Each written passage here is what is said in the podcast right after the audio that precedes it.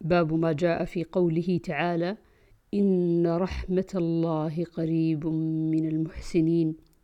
عن أسامة قال كان ابن لبعض بنات النبي صلى الله عليه وسلم يقضي فأرسلت إليه أن يأتيها فأرسل إن لله ما أخذ ولله ما أعطى وكل إلى أجل مسمى فلتصبر ولتحتسب. فأرسلت إليه فأقسمت عليه فقام رسول الله صلى الله عليه وسلم وقمت معه ومعه معاذ بن جبل وأبي بن كعب وعبادة بن الصامت. فلما دخلنا ناولوا رسول الله صلى الله عليه وسلم الصبي ونفسه تقلقل في صدره. حسبته قال كأنها شنة. فبكى رسول الله صلى الله عليه وسلم. فقال سعد بن عبادة أتبكي؟ فقال إنما يرحم الله من عباده الرحماء. عن أبي هريرة عن النبي صلى الله عليه وسلم قال اختصمت الجنة والنار إلى ربهما. فقالت الجنة يا رب ما لها لا يدخلها إلا ضعفاء الناس وسقطهم. وقالت النار يعني أوثرت بالمتكبرين. فقال الله تعالى للجنة أنت رحمتي. وقال للنار أنت عذابي أصيب بك من أشاء. ولكل واحدة منكما ملؤها. اللهم إنا نسألك الجنة ونعوذ بك من النار.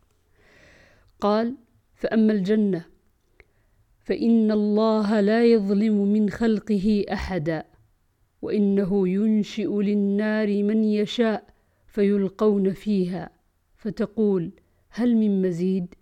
ثلاثة حتى يضع فيها قدمه فتمتلئ ويرد, ويرد بعضها إلى بعض وتقول قط قط قط.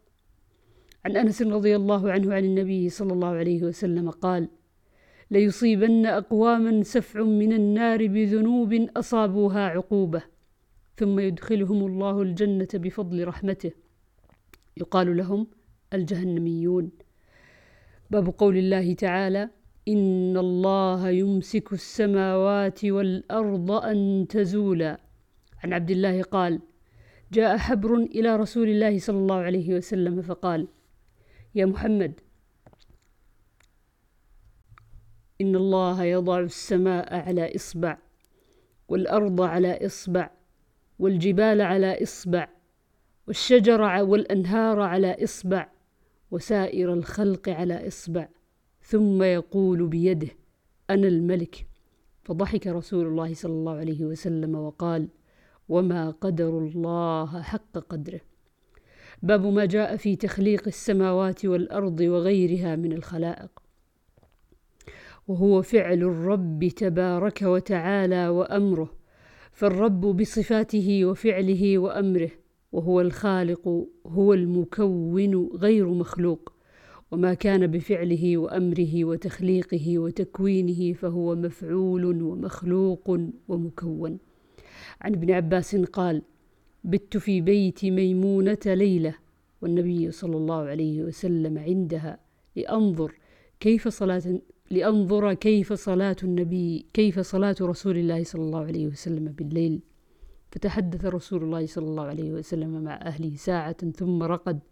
فلما كان ثلث الليل الأخير أو بعضه قعد فنظر إلى السماء فقرأ إن في خلق السماوات والأرض واختلاف الليل والنهار لآيات لأولي الألباب.